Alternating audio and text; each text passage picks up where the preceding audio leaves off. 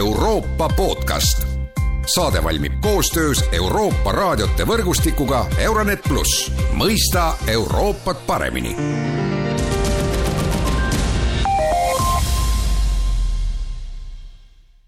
tere taas kuulama Euroopa podcasti. Ukraina on kimpus oma teravilja eksportimisega, samal ajal räägitakse pidevalt Ukraina vastu pealetungist.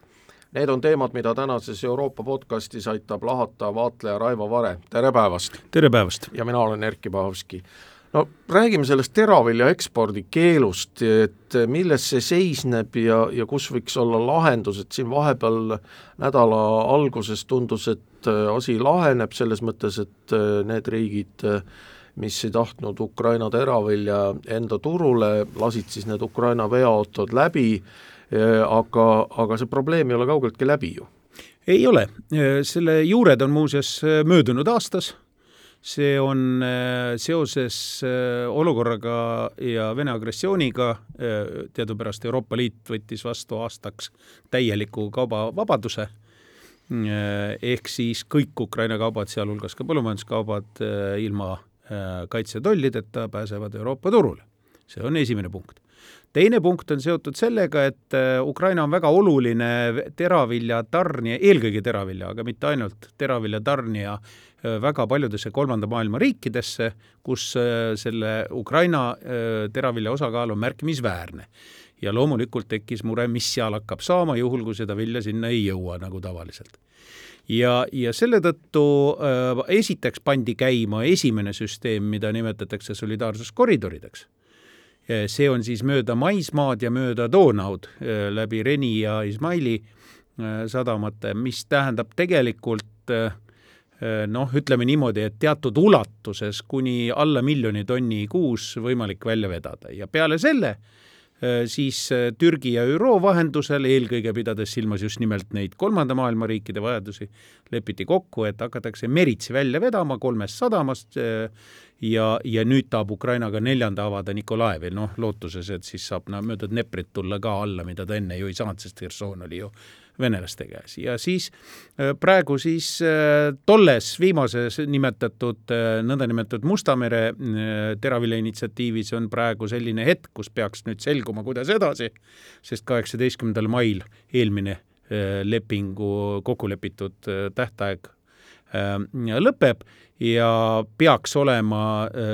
jätkamine, aga venelased muidugi nagu ikka praegu räägivad, et nemad ei taha jätkata, sest nendepoolseid tingimusi nagu ei täideta, aga see on nagu omaette teema, see, mille ümber konflikt praegu Euroopa Liidu kontekstis on ju tegelikult just need maismaakoridorid ja seal on probleem selles, et see teravili ei liikunud mitte transiidina edasi, vaid jäi lihtsalt pidama vastavate piiriäärsete ähm, Kesk-Euroopa riikide turgudele, kus ka põllumehed ise kasvatavad sedasama kaupa. ja hinnad läksid alla ja põllumehed olid äh, siis nii-öelda lõhkise küna ees. no ma toon lihtsalt võrdluse, et kui, kui tonni hinnas on, on äh, Chicago toormebörsil hinnad kuussada viiskümmend pluss, dollarit ja, ja, ja Ukraina teravilja hind äh, sadamas on kakssada viiskümmend. Äh, noh, arvata võib, et see vahe on juba nii suur, et isegi kõrged transpordikulud seda vahet tasa ei tee. Ja see tähendas seda, et märkimisväärselt odavam teravili liikudes algse idee järgi kuhugi kolmandatesse riikidesse, jäi pidama nendes vaheriikides ja ujutas turu veel omakorda seal üle, seal on ju turud liiga suured ka, ei ole Poola võib-olla välja arvatud ja, ja seetõttu nendest kogustest täiesti piisas. pealekauba tekkis ka veel hoidlate probleem, peale selle kohalikel põllumeestel on seoses sellega probleem, et uus saak hakkab vaikselt ju mõne kuu pärast valmima, kuhugi tuleb seegi paigutada, rääkimata sellest, et teda müüa ei saa, siis veel kuhugi hoida peaks kusagil, aga see on kõik Ukraina vilja odavat täis. Ja nii edasi, nii edasi. ja see tekitas nüüd pinge. Euroopa Liit on selle kohta, Euroopa Komisjon on öelnud väga selge seisukoha, et see on Euroopa Liidu eksklusiivne äh, võimala, ehk siis väliskaubanduse korraldus ja igasugused rahvuslikud piirangud, mida siis on sisse viinud tänaseks juba viis riiki, õigemini neli ja pool, see on siis Poola, Slovakkia, Ungari Äh,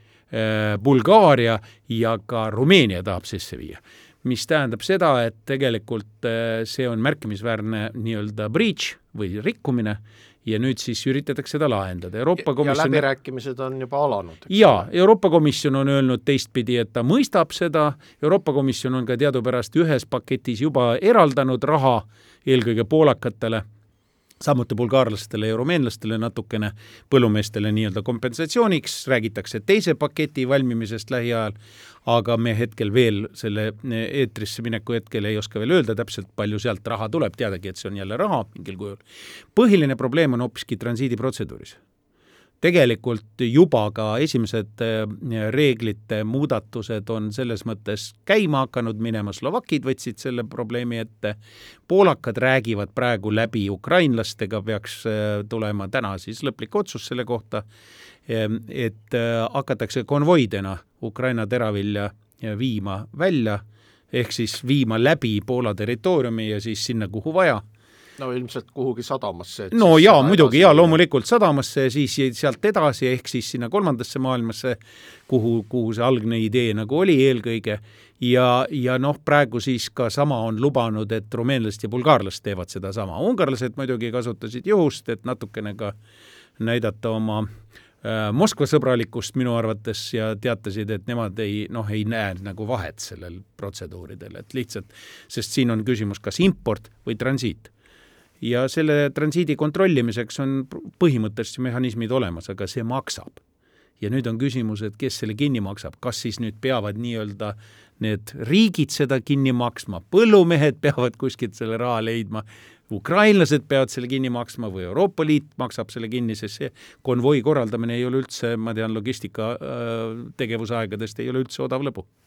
jaa, no siin tekib ju kohe vastuolu, eks ole, et äh, nagu sa juba viitasid, siis Euroopa Liit omab pädevust äh, väliskaubandusküsimuses, noh järelikult peaksid kõik need äh, muud probleemid ju ka kuuluma Euroopa Liitu ja siis selle loogika põhjal võiks ju Euroopa Liit seda rahastada. no minu meelest on see igati loogiline antud juhul, sellepärast et ega keegi ju ei, teisiti ei kujuta ette, sest vastasel korral see vastumeelsus ju kasvab. miks see nüüd teravaks läks, asi on ju septembrist möödunud aastast juba vaikselt susisenud. nüüd läks see teravaks sellepärast, et hakkab tulema uus esiteks uus saagihooaeg ja teiseks sellepärast, et sügisel lähenevad valimised näiteks Poolas noh, arusaadav, eh, PIS-i üks kõige olulisemaid toetusbaase ongi ju tegelikult eh, põllumehed, maaelanikkond ja loomulikult sealne rahulolematus ja veel niivõrd aktiivne rahulolematus ei ole hea eh, valimistulemust silmas pidades ja no siin ongi võib-olla ka lisaks sellele majanduslikule küsimusele võib-olla ka see üldine poliitiline mõõde, et ju tegelikult me oleme näinud, et nagu Eestiski, et inimesed on väga toetanud ukrainlasi ja Poola on olnud tõesti Ukraina üks peamisi partnereid ja liitlasi, ja nüüd, eks ole, kui siis põllumehed hakkavad vastu, siis see meeleolu ukrainlaste suhtes võib ju ka nendes äh, naaberriikides, Ukraina naaberriikides ju muutuda. jaa, ja me nägime ju seda Zelenski visiidi ajal Varssavisse, kus tegelikult olid põllumeeste protestid ja põllumajandusminister astus lausa tagasi Poolas selle tõttu ja, ja nüüd uus minister hakkaski nüüd nende restriktiivsete meetmetega pihta, aga no mingi lahenduse nad leiavad, mina arvan muuseas, et just nimelt äh, Poola puhul tõenäoliselt leitakse lahendus ja leitakse ka raha selle lahenduse rahastamiseks. ma siis mõtlen seda, et turule ei lasta ma ei usu, et turule lastakse kusagil, aga transiidiprotseduuri toetatakse. nüüd keerulisem lugu on Ungariga, Slovakkia on juba transiidiprotseduuriga äh, nõustunud ja nüüd on küsimus siis, mida teevad eelkõige rumeenlased, sellepärast et bulgaarlaste puhul seal on veel ka päevalilleõli mängus ja seal on natuke keerulisem suhe, aga samas nemad ei ole ka nii kategoorilised olnud no ja teine teema, millest nüüd viimastel päevadel on ka palju räägitud, on see vastupealetung, et et sellest kogu aeg räägitakse, aga seda jätkuvalt ei ole, no ma ei ole muidugi sõjanduse spetsialist, aga noh, nii palju nagu võib öelda, et sõja, sõjas ju edu toob ikkagi üllatusi ja kui rääkida millestki, mis kogu aeg peaks nagu juhtuma, siis ju seda võidakse ju oodata, vana, vastane ehk Venemaa ju teab seda vastupealetungi oodata ja siis kaob see üllatuse efekt ju täiesti ära ei no ega siis äh, jälgides Vene blogosfääri, kus need kurikuulsad ähm, äh, äh, sõjablogijad Venemaal on natukene annavad rohkem informatsiooni ka oma poole nii-öelda arusaamadest, siis sealt on välja tulnud rahulolematus. Nimelt ollakse rahulolematud, Ukraina on põhimõtteliselt ette valmistanud kolme armeekorpuse jagu jõude, on suures osas suutnud nad ära varustada, noh, viimased tööd praegu käivad, kolm brigaadi peaks valmima nüüd nii-öelda valmisolekusse jõudma mai alguseks ja, ja, ja siis on need jõud koos, aga nüüd mida venelased kurdavad, et